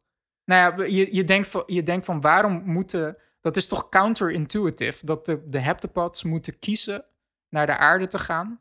en de mensheid helpen, omdat ze over d- 3000 Er is jaar... geen sprake van een keuze. Da- het is maar- al gebeurd. Precies, precies. Het is al gebeurd. Maar toch doen ze het, Ja. tussen haakjes. En dan eh, zegt in het boek, geeft hij dan als voorbeeld van... van eh, eh, be- bedenk een, een, een huwelijk. Eh, iedereen weet al wat er gaat gebeuren, in principe. Maar toch Gescheiden. Nee. ja. maar toch is het nodig dat de priest zegt: eh, eh, eh, ehm, Neem je ha- haar aan als bruid, you may now kiss the bride. Puur het uitspreken daarvan Mhm. zorgt dat het ook echt als het ware gebeurt. En dat, dat doen ze- de heptapods ook. Van ze, ze voeren het uit. Hij legt het ook uit als een soort van script, thea- theaterstuk. Ja. Van, je Ik- moet het wel uitvoeren. Je kan er niet bij neerleggen van... Maar die heptapods hebben, die zien dat volgens mij helemaal niet zo.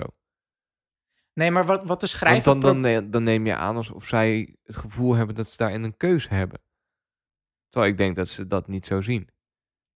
Zij nee, moeten, nee, nee, nee. Nee, maar dat hele concept van keus is, Dat hebben niet, zij niet. is, niet, nee. is niet relevant. nee, daarom. Maar het is wel relevant, want het gevaar is eh, eh, om te zeggen dat de heptapods eigenlijk robots zijn die wij gewoon op, omdat wij in een actie-reactie eh, perspectief zitten, dat wij gewoon zien dat zij als een robot een script afspelen.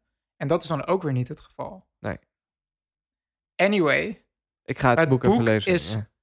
echt ongelooflijk vet. Oké, als jij En het, het is ze alle echt, twee een cijfer zou moeten geven. Film en boek. eh, film 9, het boek een 10. Ja? Ja. Boek toch hoger? eh, Ja, maar dat, het is dan lastig om te zeggen actie-reactie. Ja. Is mijn reactie op het boek een 10 omdat ik de film actie heb gezien? ja. ja, ja, ja, ja, ja, ja. Dat weet ik niet. Ik maar maar ehm, het, wat ik wel kan zeggen is... de regisseur van de film Arrival... Ja. Die had het bijna niet, bijna niet op een betere manier kunnen verfilmen. Want heel veel dingen uit het boek komen echt perfect terug. Mhm. Ehm, het boek heeft, het zelf, heeft dezelfde, daarom noem ik het een literair masterpiece. Het heeft dezelfde fragmentatietrucjes. Ja. Het is echt briljant ges- geschreven.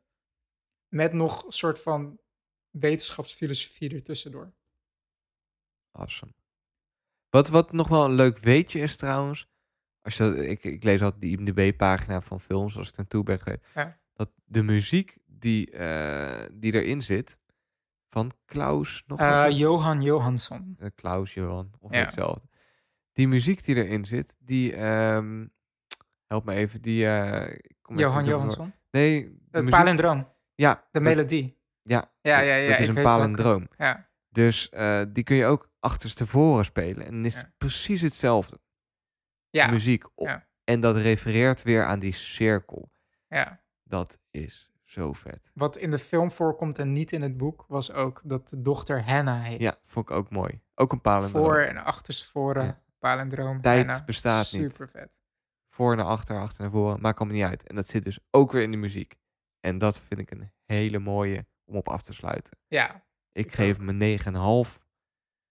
En eh, ik ga het boek Ja. nog lezen. Luisteraars, bedankt voor het luisteren weer. Dit, eh, hij zit er nu echt op. Tot eh, over twee weken. Je weet ons te bereiken. Live long and prosper. Ciao.